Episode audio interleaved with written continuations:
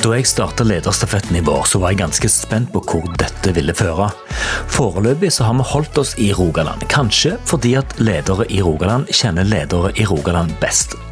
Før sommeren så valgte Heidi Volden i Norled å utfordre Per André Rykhus. Det betyr at vi holder oss i transportbransjen og drar til Stavanger lufthavn Sola og hangarene til CHC Helikopter i denne episoden av Lederstafetten. Jeg heter Jørgen Kopperen og er klar for å starte høsten. Lederstafetten med Jørund Kopren. Per André, takk for at jeg fikk komme til deg på, eh, på Sola i helikoptermekka helikoptermekkaet ditt. Du, Fortell litt um, hvordan du havna her. For dette, du har gjort uh, mye forskjellig opp igjennom. Det er jo det er i, i utgangspunktet en til, tilfeldighet. Uh, så jeg, det er riktig det. Jeg hadde en, uh, hadde en karriere i, i Altibox. Ehm, og så eh, eh, tenkte jeg at jeg hadde lyst til å prøve meg som eh, konsulent. Så vi hadde et lite fellesskap som het Tribe. Og så fikk jeg et konsulentoppdrag her på Sola hos COC Helikopterservice. Og det er nå ti år siden. Og i mellomtiden så har jeg hatt ulike roller både som konsulent og som, eh, som innleid ressurs. Og eh, etter hvert så, så, overtok jeg da den rollen jeg har i dag, i, i 2017. Hvordan havna du der, da? Hvorfor valgte du å ta den rollen som, eh, som leder her? Ja, det, det, var jo, Da hadde jeg jo rukket å bli godt kjent med organisasjonen også. Så jeg startet her i 2012. Eh, og fikk lov til å se veldig mye av COC eh, sin virksomhet i, eh, i, store deler av verden. Og selvfølgelig ble jeg etter hvert veldig godt kjent med den norske delen av organisasjonen. Og jobbet veldig tett i perioder med den forhenværende administrerende direktør, Arne Roland. Og, og, når Arne valgte å gjøre noe annet, så, så var jeg heldig og fikk, fikk lov til også å tre inn i, i, i, i rollen etter det. Jeg har lyst til å snakke litt mer om det, om hva det som trigger deg. Men først, eh, fortell litt om, om, hva dette er for noe. For nå har jeg fått, eh, var så heldig å være med på en liten tur her og se hva dere har. Eh, fortell litt hva som er eh, virksomheten deres her. Ja, dette er jo en eh, ganske unik eh, virksomhet. For de aller fleste så er jo helikopter noe man ser passere over hustakene. Men det ligger jo en ganske omfattende infrastruktur bak å drive en sånn type virksomhet som, som COC Helikopterservice gjør i Norge. Vi driver i all hovedsak med tre typer tjenester. Eh, det ene er at vi frakter eh, oljearbeiderne trygt til og fra installasjonene offshore. Og så driver vi med det som kalles med Medivac, altså at vi frakter, eh, frakter mennesker som, som, har behov for uh, helsetilsyn. Og så driver vi med det som kalles for søk og redning, eller SAR som vi ofte kaller det. Og vi har eh, virksomheter fra Svalbard i nord. Der driver vi en kontrakt for eh, Justisdepartementet, eller for eh, sysselmesteren. Og så har vi en søk- og redningsbase i Tromsø som vi har faktisk hatt offisiell åpning på denne uken her. Og så har vi et tilsvarende oppdrag for justis i Florø. Og så driver vi i dag søk- og redningstjenester på Heidrun, på Oseberg, Stadfjord og Johan Sverdrup. Eh, og så har vi baser på onshore på, i Brønnøysund, i Kristiansund eh, og her på, på Sola. I tillegg til en, eh, en offshore shuttle-aktivitet for Aker BP på, på Valhall. Hvordan organiserer en dette? For dette er mange forskjellige fagområder innen denne disiplinen. Krever forskjellige typer kompetanse, sannsynligvis. Hvordan er det du klarer å holde dette, dette til å, å, gå? For det er en logistikkoperasjon, dette. Dette er jo en veldig driftsinnrettet uh, organisasjon. Uh, så fagområdene våre er jo uh, flymekanikerne våre. vi har i overkant av 100 flymekanikere som, som sørger for det, det daglige vedlikeholdet. vi vedlikeholder ca. åtte vedlikeholdstimer for hver flytime. Så har vi i overkant av 100 piloter som, som flyr flyene våre. Og så har vi eh, et tyvetalls eh, redningsmenn. Eh, og så har vi selvfølgelig en, en ganske stor ingeniørfunksjon. Altså det som ivaretar luftdyktigheten, for å, for å si det litt enkelt. Og, og så er det, er det, administrasjon og støtte i tillegg til det. Så, så, det vi gjør, er jo at vi, vi i fellesskap sammen med våre oppdragsgivere, så, så, blir vi enige om hvordan et flyprogram skal være. Og så prøver vi da etter beste evne fra dag til dag å sørge for at det gjennomføres på en så trygg og effektiv måte som, som mulig. For Det er jo ikke bare deres egne si, eh, at det er parametere som dere kontrollerer selv, men det er jo andre eksterne faktorer som gjør at, at hver dag blir påvirka. Fortell hvordan, hvordan det må tilpasse seg for, eh, i forhold til vær og vind og behov og, og, det som måtte dukke opp. Ja, Flysikkerheten står jo selvfølgelig i høysetet. Eh, og flyindustrien helt fra tidenes morgen har jo vært en i stor grad en premissleverandør for eh, utviklingen av, eh, av, sikkerhetsarbeid generelt sett. Og så har det selvfølgelig et spesielt fokus på det som handler om flysikkerhet. Eh, så Det betyr at vi er påvirket av ytteromstendigheter. Som du var inne på, Jørund, så, så er vær og vind en, en faktor som vi må planlegge for. Og så, eh, og så, har vi jo med mennesker å gjøre, og så driver vi en ganske stor logistikkoperasjon som kan ha ganske stor innvirkning på, på, hvorvidt vi er i stand til å kunne klare å levere som planlagt eller ikke. Vi skal flytte mennesker langs kysten uh, ut i de basene der vi opererer.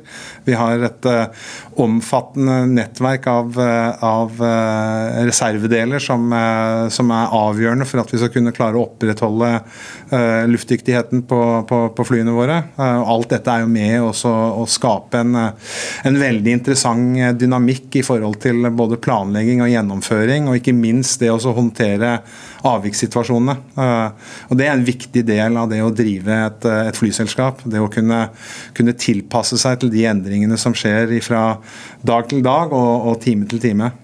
Sånn til daglig, Hvor mye av dette er det som havner på ditt bord?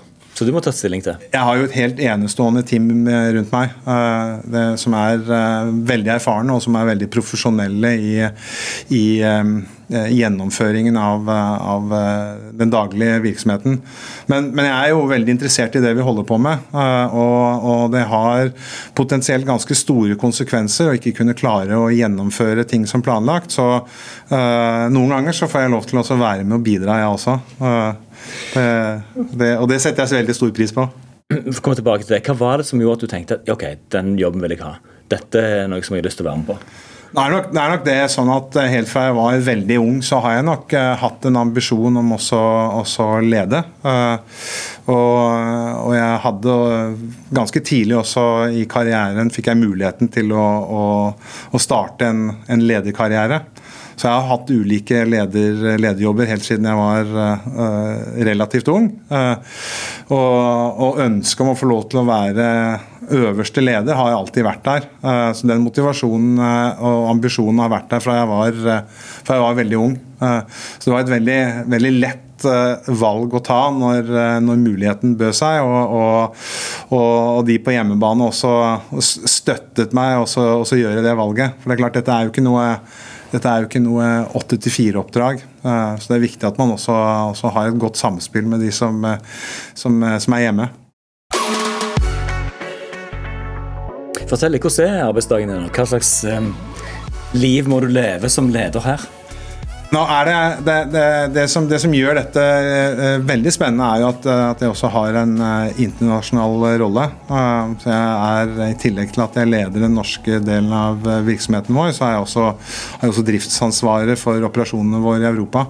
Um, og, og, i og med at vi også er en del av en eh, internasjonal gruppe hvor vi, hvor vi, samarbeider på tvers, og hvor en del av de tjenestene som vi er avhengig av for å kunne gjøre jobben vår fra dag til dag, er jo spredt over stort sett hele verden. Så uh, vi, uh, vi er tilgjengelig vi er tilgjengelige utover over kjernetid. Det, det, er vi. Eh, så er selvfølgelig det innenfor for, for, for alle andre ledere at, eh, at man må være, være, bevisst på hvordan man eh, disponerer tiden, og at man, at man prioriterer godt. Men det er, det er, jo sånn at det, dette stopper jo ikke. Vi, vi flyr 24-7, 365 dager i året, og, og vi har svært viktige eh, samfunnsoppdrag. En del av en, av en, samfunnskritisk infrastruktur, både i forhold til det vi gjør for, direkte for eh, norske myndigheter, men, eh, men, også selvfølgelig i forhold til eh, det vi gjør for, eh, for olje- og gassindustrien. Og Det påvirker jo selvfølgelig eh, hverdagen for de av oss som er involvert i det. Hva slags hensyn må du ta da som privat? F.eks. hvordan har sommeren din vært? Ja, Den sommeren her så har jeg, har jeg, eh, tilbrakt eh, en del tid på hytta sammen med familien. så Det har vært uh, veldig veldig fint. Og så har vi hatt noen dager eh, i Kroatia eh, for å få litt varme, og det var vellykket også. Og så innimellom så har det vært noen styremøter og, og, og noe, noe, møteaktivitet her også som, som, jeg måtte ha delta på. Det, det, må man ikke se på som et offer, det er på mange måter som en, del av det oppdraget som man, eh, som man tar på seg. Interessant at du sier det, for nå er det jo um, jeg tror det er litt i endring, dette med, med forholdet til arbeidsplassen sin. Nå har vi hatt en periode med hjemmekontor. Eh, det er veldig stor konkurranse om arbeidskraften. Hva slags krav setter du til dine ansatte? Det, det, som er, det, det, som er, det, viktigste for min del, det er jo at, at man gjør uh, den jobben man er satt til å gjøre. Uh, og Jeg har veldig stor tillit til det uh, teamet som jeg har rundt meg.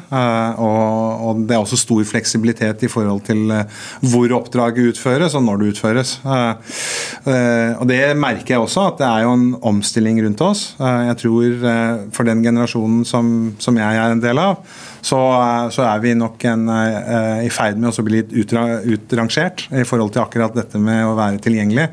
Jeg tror at Vi som arbeidsgivere og som for å lage attraktive arbeidsplasser for fremtiden, så må man være eh, mer tilpasningsdyktig og mer fleksibel i forhold til både hvor oppdraget utføres og på hvilken måte det, det, det utføres. Så Dette er jo en, en gradvis omstilling som, eh, som, vi har fått lov til å være med på. Fra noe som har vært veldig tradisjonelt til å bli mye mer fleksibelt. Og, og vi har også fått eh, verktøy og teknologi rundt oss som gjør at man kan stort sett gjøre et, eh, et godt stykke arbeid uansett hvor man måtte befinne seg. Så er det kanskje utfordringen andre vei. Det er jo også å påse at, at det ikke blir um, en belastning. Eh, så Der har vi også som arbeidsgiver et veldig stort ansvar. Hvor stor konkurranse er det om eh, arbeidskraften som, som du trenger? Ja, det er jo Akkurat nå så er jo luftfarten generelt sett i en, eh, en omstilling.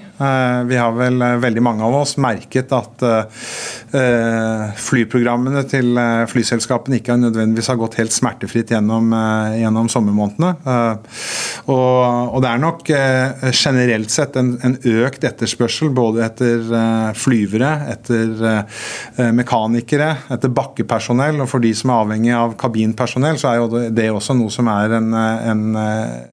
knapp faktor i, eh, i, luftfarten. Eh, og Det påvirker jo avviklingen av flyprogrammet for, for de aller fleste flyselskap. Så vi, vi konkurrerer jo med, med, de andre flyselskapene også om de samme, samme, ressursene.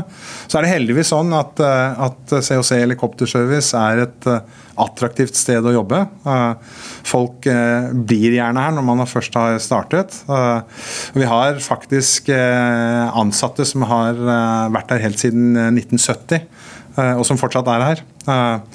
Så, så det, er jo, det, er jo, et lite vitnesbyrd om at det må være et, et relativt bra sted å, å, å være. Ja. Hva gjør du aktivt for, for kulturen her, da, som gjør at folk velger å bli?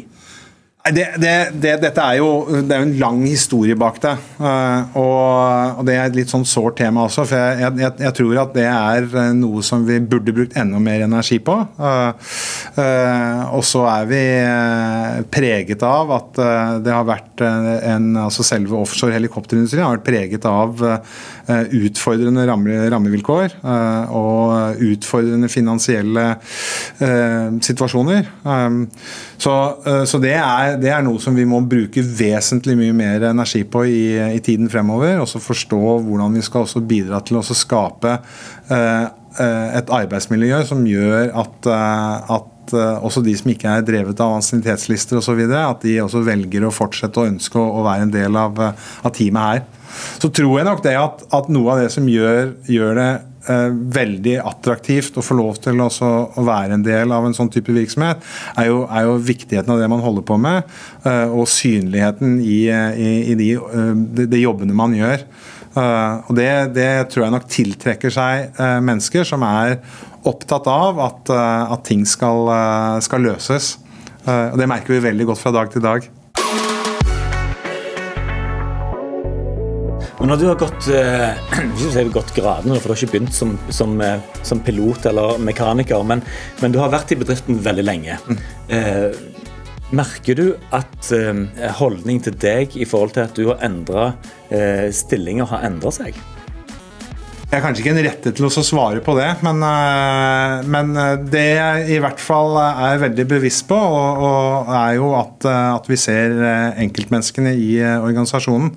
Vi er i dag rundt 350 ansatte. Jeg skal ikke påstå at jeg har en, personlig relasjon til, til, hver eneste ansatte, men, men jeg, jeg, tror at vi er i hvert fall en, en, virksomhet som har en veldig flat struktur. Hvor vi kjenner hverandre, og hvor, hvor, det er, hvor, det er, kort vei fra, fra imellom leddene i, i, i organisasjonen.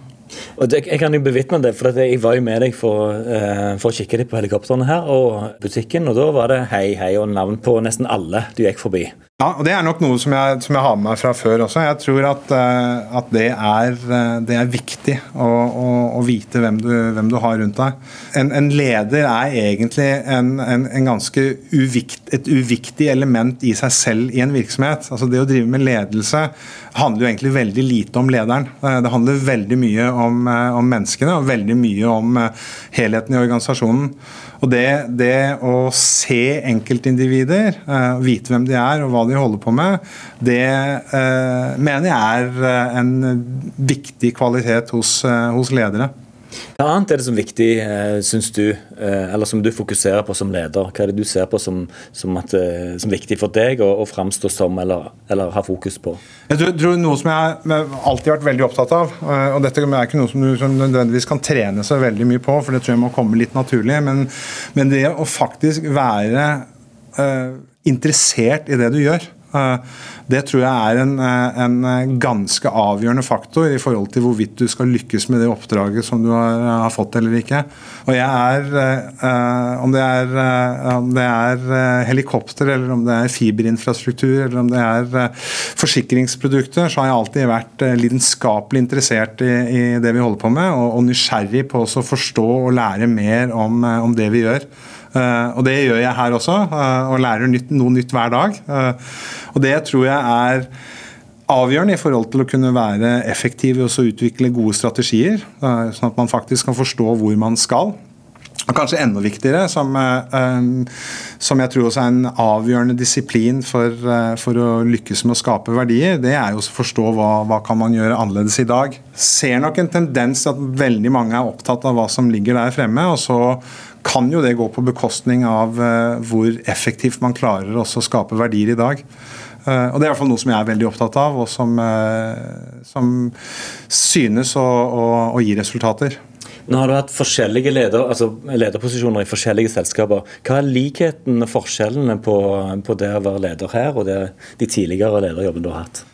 Likheten er jo, er jo, det at eh, de aller fleste virksomheter eh, drives jo av eh, prosesser. Eh, de aller fleste virksomheter har styringsmodeller. Eh, og, og, mest av alt så er det sånn at alle virksomheter eh, drives av mennesker. Og forskjellen mellom å gjøre et godt stykke arbeid og et dårlig stykke arbeid handler veldig ofte om hvorvidt man klarer å få mennesker til å samarbeide på tvers. Uh, og det, det, det, er i hvert fall en, en, åpenbar likhet. Så er det jo sånn at uh, det er jo en viss likhet i forhold til min tidligere arbeidsgiver også. At, at vi driver med samfunnskritisk infrastruktur. så det ligger altså en viss likhet i at lederrollen inneholder Eh, til en viss grad eh, et behov for også å kunne påvirke og, og, og sette uh, retning for hva slags rammevilkår som skal gjelde for industrien. Uh, og Det ser man ofte i, som et likhetspunkt mellom industrier. Så er det nok Den største forskjellen i, i, i, forhold til de selskapene jeg har vært i, er jo det at alle selskaper har jo et, et DNA. Uh, de har jo en, en, kultur, en identitet. og den, den vil nok være for, ganske, ganske forskjellig fra COC eh, Helikopterservice og en del av de andre virksomhetene som jeg har jobbet i før. Altså Dette med, med, kontrakter det er noe som kommer og går. Du taper noen, du vinner noen. Og jeg tenker at Dette må jo være et mer eller mindre konstant press som man har på seg. En må ha eh, forretninger i framtiden, og dermed så må en ta seg av disse, disse anbudene som til enhver tid eh, er aktuelle. Eh, hvordan jobber du i forhold til dette med anbud og, og, og langtidsplanlegging? Ja, det, det, er jo en ganske avgjørende del av, av, det å drive en sånn type virksomhet. Vi, vi har en det, det er en asset-tung industri. Det er store verdier. Eh, så vi må, jo, vi må jo sørge for at vi til enhver tid har en, eh, en, portefølje med kontrakter som gjør at vi klarer å holde uh, helikoptrene våre i aktivitet. Og Det betyr også at du til enhver tid må ha et øye på, på, hvilke muligheter som finnes der ute. At du har en, en pipeline med, med, kommersielle muligheter som, som du til enhver tid jobber med noe av det. I den ene enden av skalaen så handler det om dette med å kanskje også påvirke eh, rammevilkår. Eh, altså at man kanskje påvirker eh, tilbydere å velge Eh, sivile operatører fremfor offentlige tilbydere f.eks. Eh, det kan være at man påvirker eh, i forhold til hvordan en kontrakt skal organiseres og hva slags kapasitet som skal være påkrevd. Og så har du I den andre enden av skalaen så har du jo de, de anbudene som pågår. Til syvende og sist er det ikke vi som beslutter når en kontrakt skal konkurranseutsettes eller ikke. Og Da må man jo være der med en profesjonell organisasjon som forstår hvordan, eh, hvordan en anbudsbesvarelse skal gjøres best mulig. Og Inni der så ligger det selvfølgelig også vikt, et veldig viktig element av eh, forretningsutvikling. Um, så sånn Tilsynelatende så kan det se ut som et helikopter er et helikopter, og, og, og uh, det handler da til syvende og sist bare om uh, hvor billig du kan selge det. Og det er nok sånn at Pris er jo selvfølgelig en veldig avgjørende faktor. Eh, men det, det finnes også en del smartness rundt hvordan du, hvordan du konstruerer eh, eh, tilbudene dine, og hvordan du presenterer det for en potensiell oppdragsgiver. Der har vi et, et kommersielt team her i, i Norge som, som, er veldig drillet på det. Og som har blitt veldig profesjonelle både i forhold til hvordan anbudene til syvende og sist ser ut, og hvordan man kreativt kan, kan tenke forretningsutvikling innenfor de rammene som, eh, som tilbyder eh, har, har lagt. Ok, interessant. Du, har du eksempler på det? Hvordan kan du være kreativ i forhold til det? For jeg tenker sånn enkelt. Helikopter går fra A til B, og så må vi gjøre det billigst mulig, sikrest mulig. Hvordan kan du være kreativ? Nei, kreativiteten ligger jo ofte i å forstå hva slags behov eh, oppdragsgiver har. Uh, og så kan uh, kan man finne uh, modeller for hvordan, hvordan, ressursene kan utnyttes på en mer optimal måte. rett og slett sånn at du, at du, at du får Du får mer ut av hver enkel ressurs som du knytter inn i tilbudet. Det kan være hvordan du rett og slett konstruerer flyprogrammet. hvordan du disponerer flåten av helikoptre som er knyttet inn mot, mot forespørselen. Eh, eller hvordan du benytter eh, ressursene, pilotene og mekanikerne dine, i forhold til eh, hvordan kostnadsmodellen til syvende og sist ser ut. Da tenker jeg at det å ha en stor flåte som dere har, dere hadde 20 et eller annet her på Sola. Ja, vi, er, vi, har Totalt sett i Norge så har vi 27 helikopter. Ja, ok, ja. Mm. For det, dette å ha mulighet til å ta store oppdrag kontra det å kunne klare seg med mindre kontrakter, mm. hvordan balanseres dette? Ja, dette er jo, og dette er, Begge deler er viktig. så um, veldig, veldig forenklet så kan du si at du må ha en, eh, må ha en base i bunn med, med langsiktige kontrakter. Kontrakten vår strekker seg helt opp mot, uh, mot ti år. Uh, den siste kontrakten som vi har inngått med, med, Justisdepartementet for Base Nor, det er jo en kontrakt som strekker seg over seks pluss eh, plus fire år. Mm. Uh, og så må du ha uh, en, uh, din rettmessige andel av, av det som skjer av boreaktivitet på sokkelen. som er mer kortsiktige kontrakter, som strekker seg da gjerne fra 30 til 90 dager. Og så, og så, handler jo resten om å sørge for at du da disponerer eh, ressursene og flåten på en måte som gjør at du også kan besvare disse umiddelbare behovene som oppdragsgiver har. Det som vi kaller for adhoc-marked. Og så er det jo da sånn at de, de, eh, oppdragene som har kortest horisont, de har jo da best margin. Og de med lengst horisont har dårligst eh, margin, men er jo da til gjengjeld veldig stabile. Så skal man jo da blande dette på en eh, god måte, sånn at det til syvende og sist eh, blir eh, gode aksjonærverdier i bunn. Hva er din følelse til? Hvordan, går det? Hvordan føler du den, den, dette går? Ja, det, det, det, er jo, altså Når man sitter i den rollen som jeg gjør, så er jo dette relativt enkelt også målet. For det ser man, ser man hvert år når man presenterer et, et regnskap. så sånn rent sånn regnskapsmessig så, så har vi, vi kommet ganske langt. Og så er det veldig marginalt. Det er jo en veldig presset industri. Så du må være, du må være på hugget hele veien, og, og det, det, er vi. Og så trenger vi selvfølgelig alltid et, et volum. Så vi har jo lykkes godt kommersielt de siste årene. Og så, og så har vi den siste tiden hatt et, et par, par, kontrakter som ikke har gått i vår retning. Men samtidig så har vi også sikret en veldig stor og viktig kontrakt med, med, med Equinor. Du har på den ene siden de som skal ha eh, et best mulig anbud eh, til en fornuftig pris, og så har du de som sitter på andre siden på eiersiden og vil ha mest mulig sant, margin på dette og mest mulig å ta ut i utbytte. Eh, hvordan er det, og Jeg har snakket med, med Kverneland f.eks. hvordan de har østlige eiere, og her har litt mer vestlige eiere. Hvordan er det, Hva forhold har du til eierne til, til bedriften? Eh, ja, det, og det er riktig. Vi har, vi har, en litt sånn kompleks eierstruktur. Så, så vår europeiske majoritetseier har jeg et uh, veldig tett forhold til. Uh, men så er nok det også en, en, en, vesentlig del av det å drive med, med lederskap, er jo, å forstå interessentene dine. Uh, og interessentlandskapet i en sånn type virksomhet som dette er, er ganske kompleks. Det er helt riktig, vi har eiere på den ene siden. Så har vi da gjerne myndigheter og store uh, olje- og energiselskaper på den andre siden. Og, og så har vi luftfartsmyndigheter uh, som vi må forholde oss til. Og så har vi, har vi selvfølgelig også fagforeninger og ansatte som, som vi forholder oss til. Så, så det, det, dette er en del av det å drive, drive med, med, lederskap. Og når det gjelder akkurat dette med, med eiere, så tror jeg jeg tror ikke det er så veldig stor forskjell om det er uh, nederlendere eller om det er uh, amerikanere eller nordmenn. Altså, til syvende og sist så handler det om at uh, du, må, du må gjøre din del av jobben for at avkastningen på kapital skal, skal bli best mulig. så det er, det er selvfølgelig tøffe krav, store forventninger. Og, og, det er jo sjelden man, det sjelden man innfrir fullt ut. da. Det vil alltid være et press for at man faktisk skal lykkes bedre. Jeg har jo lest at du vinner store kontrakter, men likevel ikke helt fornøyd med marginen som dere har på de kontraktene, eller på, på, eh, på den modellen som dere har. Fortell ja. litt om det. Hvor, hvor, hvor mye lar du det gå utover organisasjonen at du vil hele veien ha litt mer trimma marginer?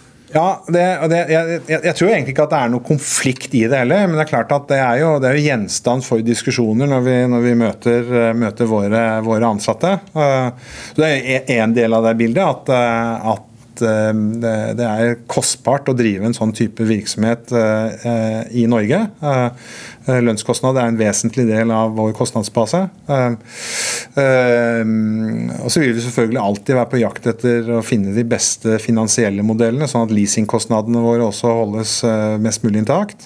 Og så vil vi selvfølgelig også fra, fra et arbeidsgiverståsted så ønsker vi å finne måter som vi kan organisere arbeidet på, som, som gjør at vi kan skape større verdier.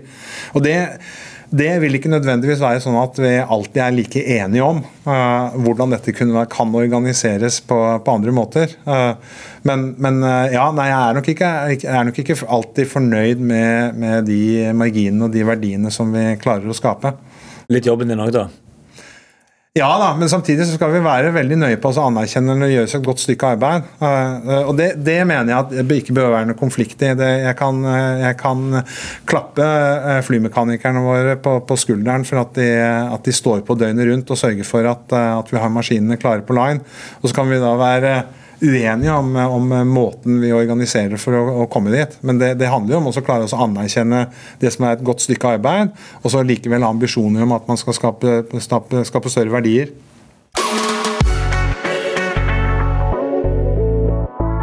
Eh, nå så det ut som dere klarte dere veldig greit gjennom eh, covid-perioden eh, resultatmessig. Og jeg er litt lei av å snakke om covid òg, så vi skal ikke snakke om den, for det kommer alltid hele veien noe nytt. Nå har vi jo en eh, Eh, en energiutfordring. Mm. Hvordan påvirker det dere? Nå er, nå er ikke vi en, en veldig stor uh, forbruker av energi. Det, så de, på den måten så påvirker det oss ikke i veldig stor grad. Men samtidig så er jo uh, olje- og gassindustrien er jo en ø, vikt, viktig industri for vår, for vår del. Um, så etterspørselen etter tjenestene våre har jo, har jo økt som følge av ikke bare det som skjer på, på, på lav magasinfylling i Norge, men altså den globale energikrisen og ikke minst det geopolitiske. Det påvirker jo i veldig stor grad Eh, planene til, eh, til olje- og energivirksomheter. Eh, så det, det, påvirker oss at det er, det er, mer flyvning. Vi har flydd veldig mye gjennom, gjennom våren og, og, sommeren. Og vi kommer til å fly mye utover, utover høsten og vinteren også. Og så, og så, er det jo sånn at Selv om vi driver med det vi gjør, så er vi jo ikke, vi er ikke forskånet fra, fra forventningene i samfunnet. Så vi må jo også gjøre vår del av uh, av, eh, av skiftet. Eh, det er litt krevende å drive en helikoptervirksomhet og snakke om, snakke om skifte, men jeg tror at vi må være i stand til å kunne ha to tanker i hodet samtidig. Eh, så vi er selvfølgelig på jakt etter å finne mer effektive måter å, å varme opp hangarene våre på. Og hvordan vi, hvordan vi planlegger flyvningene våre sånn at vi har et, et lavere drivstofforbruk osv. osv. Det med drivstoff, Har det stått stille? Er ikke noen økning, økning hos dere i forhold til hva drivstoff koster? Ja, nå, nå er vi veldig, vi er veldig heldige sånn at eh, det, er det, det, er mer eller mindre en, en gjennomfakturerbar størrelse. Så det, det usikkerhetsmomentet uh, knyttet til utviklingen av uh, fuelpriser, det har vi har vi ganske elegant flyttet over på, på oppdragsgiver. Eh, så de betaler faktisk for den fuelen som, det, som, vi bruker. Så Hvis jeg hadde visst det jeg vet nå, før covid, så hadde jeg tenkt at hvis du skulle gjøre noe som er litt safe gjennom både covid og energikrisen, så er det helikopter. Da var det det du må gjøre.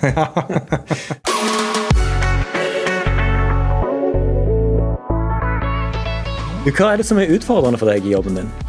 Vi har vært inne på noe av det. Dette... For, deg som personlig som leder? Ikke sånn hva er utfordrende for bedriften, Nei, for deg som leder? Nei, men Jeg, jeg, jeg syns nok at, eh, at, dette interessentlandskapet kan være, kan være utfordrende.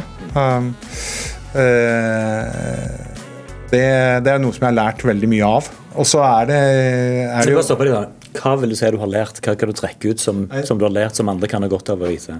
Nei, vi, vi, er jo, uh, vi, har jo uh, vi har jo veldig sterke, uh, sterke organisasjoner knyttet til luftfarten generelt sett, og i COC Helikopterservice også.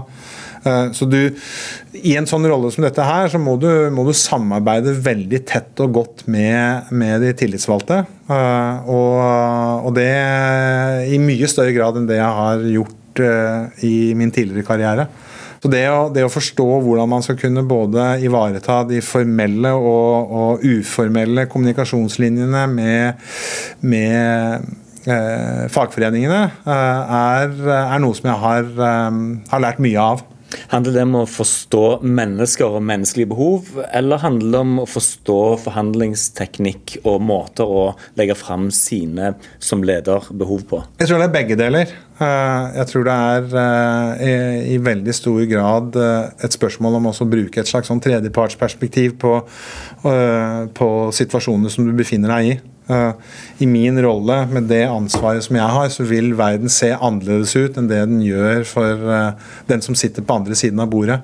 Uh, og Da er nok dette både med å forstå hvem som sitter der, og, og, og hvordan de ser på verden, ganske viktig. Og, så, og, så, handler det til en viss grad om å klare å formidle et budskap også. og så skal jeg ikke gjøre meg til dommer over hvor godt jeg har lykkes eller mislykkes med det.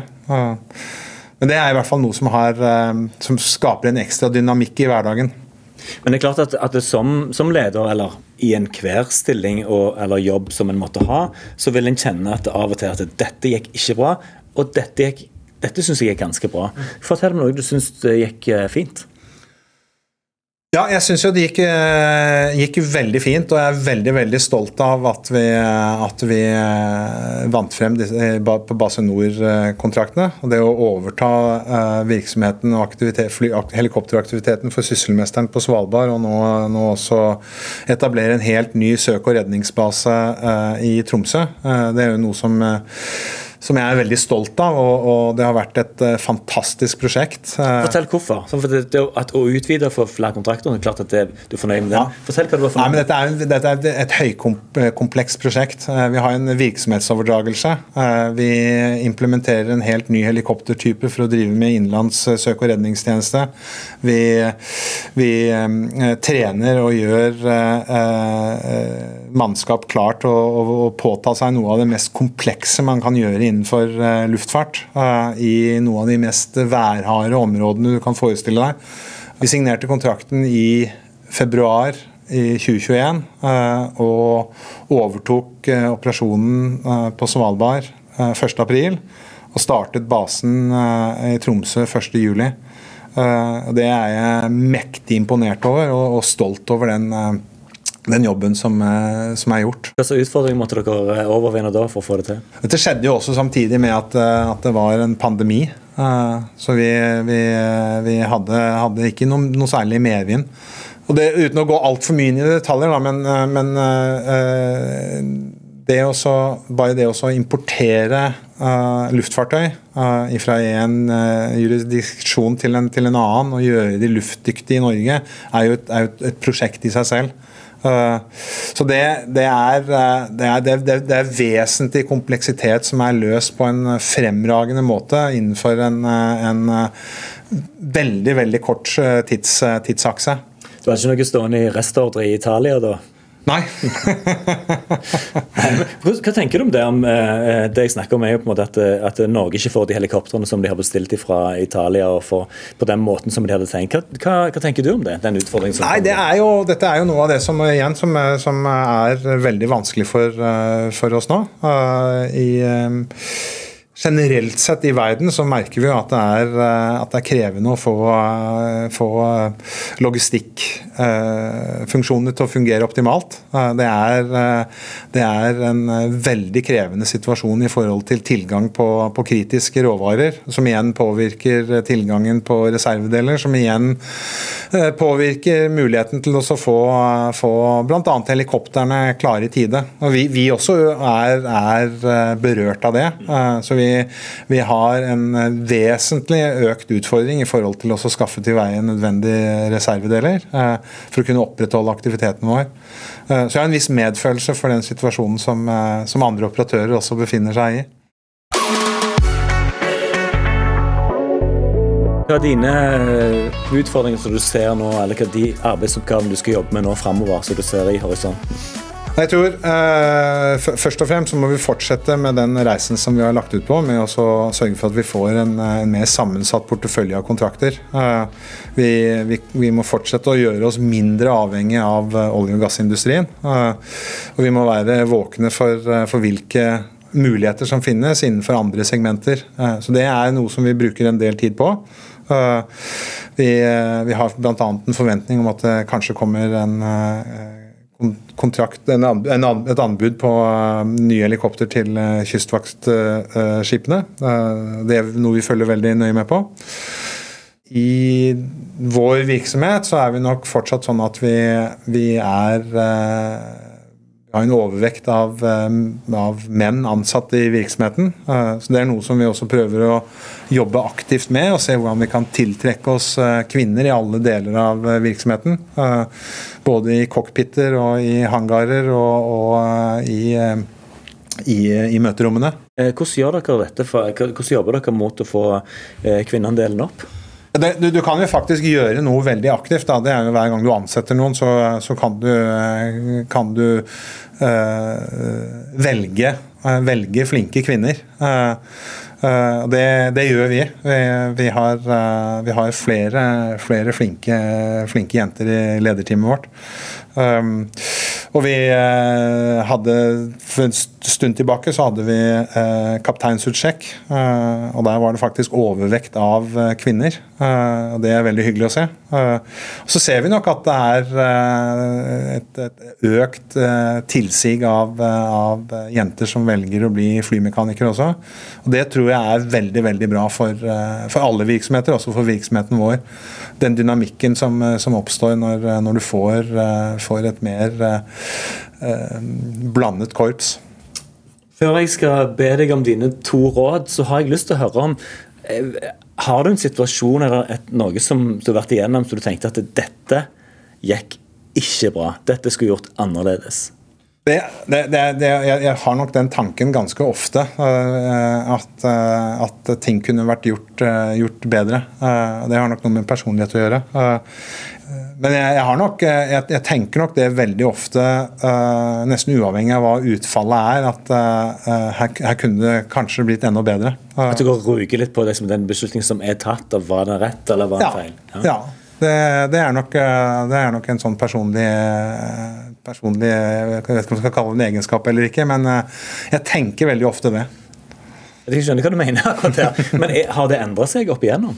Nei, ikke noe annet enn at jeg er blitt veldig bevisst på at det er sånn som jeg er. Uh, og, så, uh, og, så, tror jeg det at uh, det er viktig at at, vi, at, det er noe som jeg, at jeg må løse det på egen hånd. Og Jeg kan ikke ha de forventningene til alle rundt meg heller. At, at alle sammen går inn i sånn evalueringsmodus hver gang man har gjort noe. Du skal få en liten mulighet av meg her nå. for dette, Ofte så går en rundt og tenker på at jeg kan noe eller jeg er noe som mine eh, kolleger ikke vet om. Har du noe der? Noe som, som du skulle ønske at de visste om deg, som de fortsatt ikke vet om deg? Det, det, det, tror jeg nesten ikke, altså. Jeg, jeg, jeg, Kjenner deg så godt? Jeg er veldig åpen. Uh, jeg er veldig personlig. Um, jeg husker Jens, jeg hadde en leder som sa det til meg en gang eh, når jeg ble veldig emosjonelt engasjert i en, en sak, at du må, ikke, du må ikke ta dette personlig. Eh, og Det er jeg sterkt uenig i. Eh, jeg mener at, eh, at, det er helt avgjørende at man er personlig engasjert i det man holder på med. Så Hvis ikke ting betyr noe, i hvert fall så er det sånn for meg, så, så vil også løsningen gjerne bli litt halvhjertet. Så jeg har, nok, jeg har nok, lett både for at, at, jeg, at jeg, går personlig inn i, inn i ting, og så er jeg også sånn at jeg er ganske åpen og, og, og deler. Jeg tror dette med, med åpenhet er, er ganske, ganske, viktig.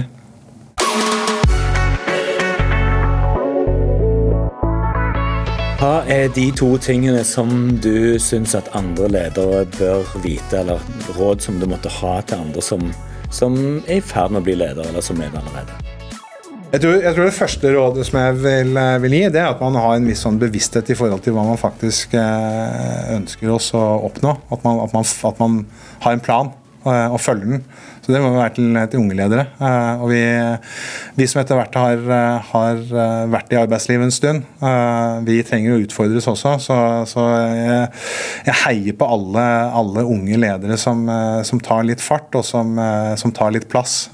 De, de, har masse og stor verdi for, for alle virksomheter. Eh, det andre det har jeg vært litt inne på også. Eh, jeg tror det er veldig viktig for ledere at man klarer å sette en retning. At man, eh, at man bidrar med å skape tydelige og gode, gode, strategier. Og klarer å kommunisere dem på en måte som gjør at, at organisasjonen og, og, og, de ansatte forstår hvor man skal også. Jeg tror det man må være enda mer bevisst på, det er å sørge for det som skjer i dag. Sånn at man også, også skaper verdier i dag, og ikke bare sikter fremover. Så du skal holde en, holde en stø kurs, men du må også være veldig bevisst på det som skjer eh, rett under føttene fra dag til dag. Per André, Takk for at eh, jeg fikk komme, og eh, takk for en veldig hyggelig samtale. Fortell litt om hvem du har utfordret etter deg. Du, Jeg har utfordret en veldig spennende leder. Som, som er veldig aktiv i, i, det grønne skiftet. Og som jeg syns har veldig mye gode refleksjoner. Så jeg, jeg gleder meg allerede til å høre podkasten med Siri Kalvik.